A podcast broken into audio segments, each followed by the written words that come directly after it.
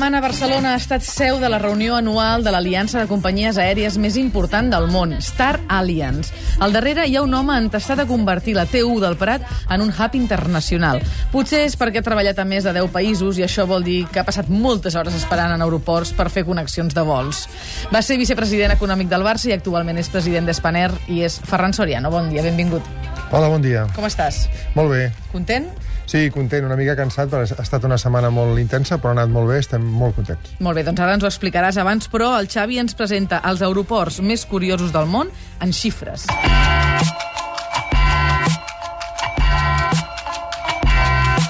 ...225 quilòmetres quadrats és l'àrea que ocupa l'aeroport més gran del món. És l'aeroport del rei Khalid a l'Aràbia Saudita. 396 metres, tot just, fa la pista del Juancho E. Irauskin a l'illa de Saba, a les Antilles Holandeses, és l'aeroport amb la pista d'aterratge més curta del món.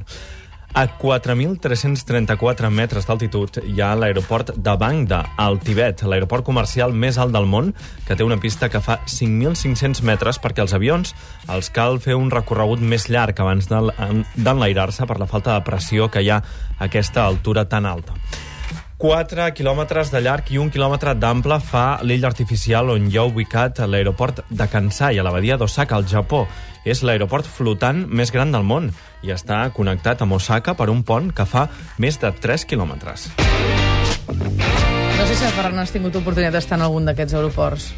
D'aquests no, la veritat és que tots els que dius són, són singulars i són una mica malson de pilots, no? Quan... Home, sobretot el de Juancho Irausquín. El de la pista curta, però també els, els aeroports que són molt alts tenen, generen més dificultats perquè a, a més alçada hi ha menys pressió de l'aire i, i hi ha més dificultat perquè els avions s'enlairin, no? Uh -huh.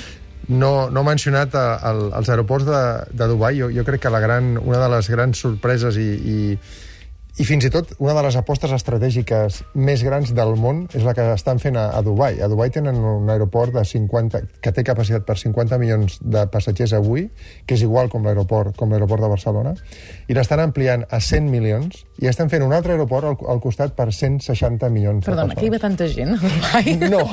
és que no entenc avui res. No. És una, és una estratègia que només s'entén si, si eh, penses en la globalitat del món i penses en els hubs, no? La, ja sé que a vegades eh, costa, costa una mica d'explicar això, no? però la veritat és que avui en dia no hi ha cap avió que tècnicament pugui donar la volta al món. És massa lluny uh -huh. i has de parar a algun lloc. Val. De manera que per anar de l'est a l'oest, d'Àsia a Amèrica, has de tenir un punt de parada, un punt de connexió que en diem un hub. Molt bé. Resulta que aquests països, els països de l'Orient Mitjà, estan a la meitat del món. Si tu dibuixessis el món en un paper pla, i el que diuen és, com que estic a la meitat, jo vull ser el punt d'aturada de el tots els hub. vols. Exacte.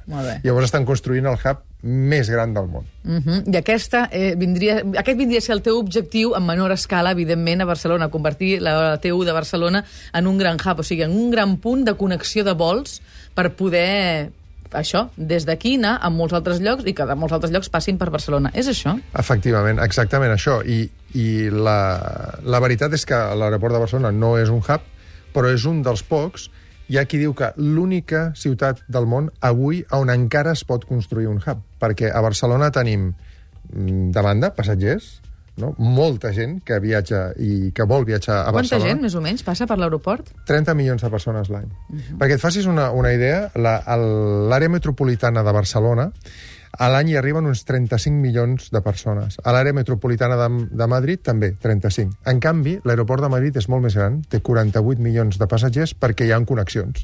Perquè en un moment donat Ibèria va invertir a, a l'aeroport de Madrid i, i té moltes connexions des d'allà. Això fa que hi pugui haver vols directes entre Madrid i molts llocs del món, sobretot Amèrica Llatina, i en canvi Barcelona no. Uh -huh. Barcelona, per tant, té la potencialitat, tenim la força econòmica i el número de passatgers necessaris, tenim l'aeroport i el que no hem tingut mai és una aerolínia que hi apostés, no? una línia aèria que fos catalana i que digués jo aposto per, Madrid, per Barcelona. La, la, el natural, que com ha passat a altres llocs del món, és que aquesta aposta l'hagués fet l'antiga la, aerolínia estatal mono, monopolística, no? en el cas d'Espanya i Ibèria, en el cas d'Alemanya, Lufthansa, per exemple. No? I contràriament al que va passar a Alemanya, que Lufthansa va construir un hub a Frankfurt i un altre a Múnich, i també tenen vols intercontinentals des de Düsseldorf, Ibèria va decidir centrar-se només a Madrid i deixar Barcelona com un aeroport de baix, de baix cost. Això ens ha impedit, fins avui, tenir vols interco intercontinentals i, i és, el que, és la raó de l'existència d'Espanair de, i de tots els esforços que fem. I més enllà de la conseqüència evident com a benefici que pot tenir pels ciutadans, que és, doncs, així podré agafar un avió a Barcelona i anar-me'n a l'altra punta del món sense haver de fer 10.000 escales, quina és uh, la repercussió que té per la ciutat, això? Té una repercussió econòmica molt, molt gran, no? I la, la primera pregunta que et pots fer és quina empresa multinacional voldrà posar el seu, la seva oficina central en una ciutat que no estigui connectada amb les grans ciutats del, del món. Avui en dia, el 65% de, la, de les multinacionals que, que s'instal·len a Espanya ho fan a Madrid. I aquesta és una de les, de, la, de les raons. No? Per tant, si nosaltres volem ser el centre d'alguna cosa, si volem liderar alguna indústria o algun sector, necessitem tenir vols directes a la Xina, no? Per posar, per posar un exemple, no? el, el Congrés de, de, tele, de, de telefonia mòbil, que està en risc, sistema, sí. està en risc perquè no tenim vols intercontinentals. No en tenim, vol dir que eh, competim contra París i a París en tenen, tenen 165 dest destinacions i a Barcelona 20. Mm. O sigui, la diferència és aquesta. No? Mm. Ibèria té 196 vols setmanals des de Madrid i des de Barcelona 3. I està clar que la diferència entre Madrid i Barcelona no és 196 a 3. No? L'únic que ens falta és, ens ha faltat històricament algú que ho vulgui fer, que faci aquesta aposta ferma. No? I, I per això, com deia abans, per això existeix, eh, existeix Spanair en els últims anys.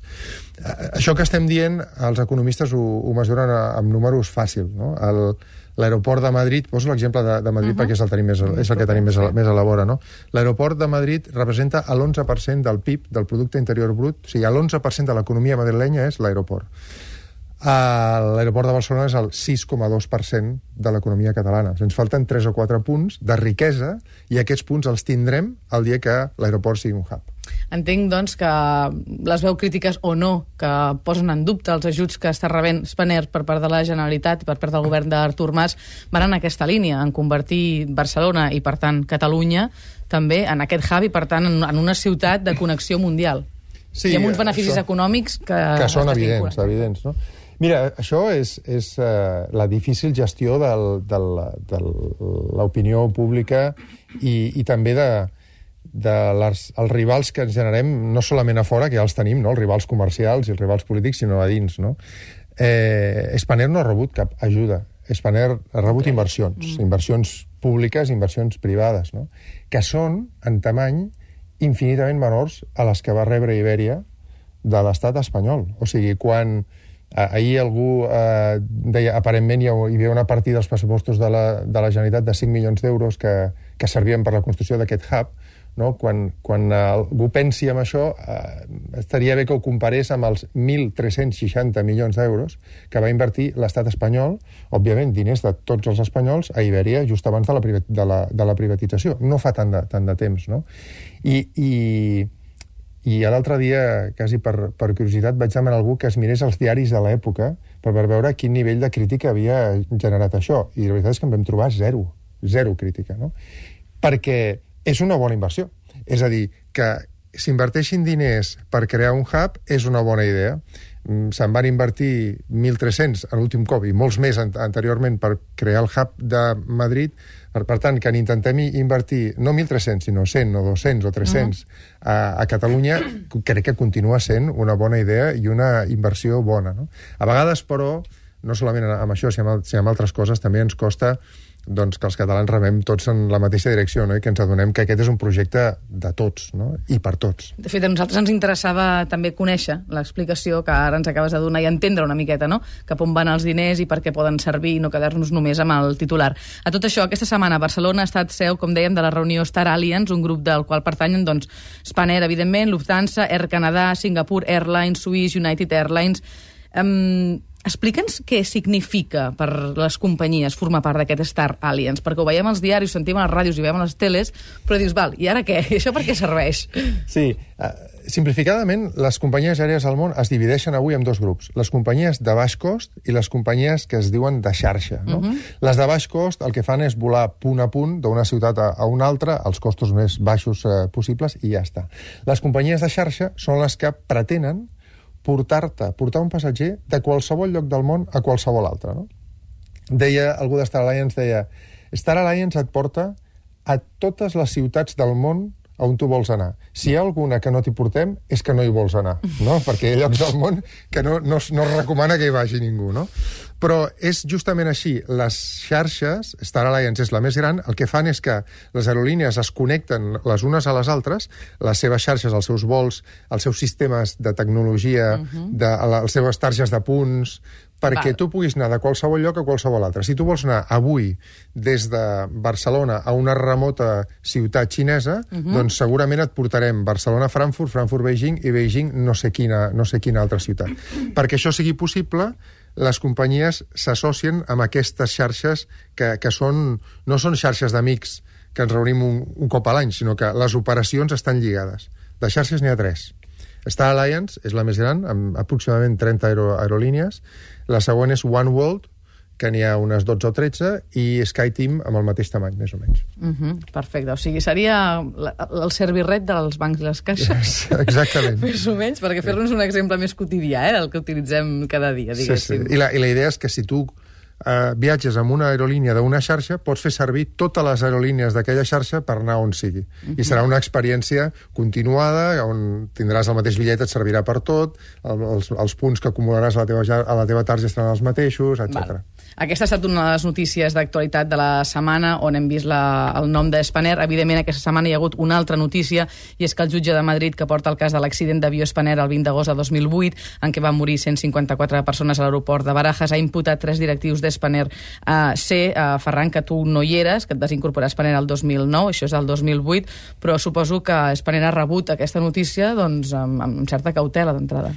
Sí, nosaltres el que hem de fer, eh, una línia aèria, la que sigui, no? de, davant d'un accident, eh, el que hem de fer és molt clar, no? hem de respectar i ajudar absolutament el, la comissió que investiga i el, i el jutge. I una forma d'ajudar és no dir res, no, no manifestar-se ni, en un, ni en un sentit ni en un, ni en un altre.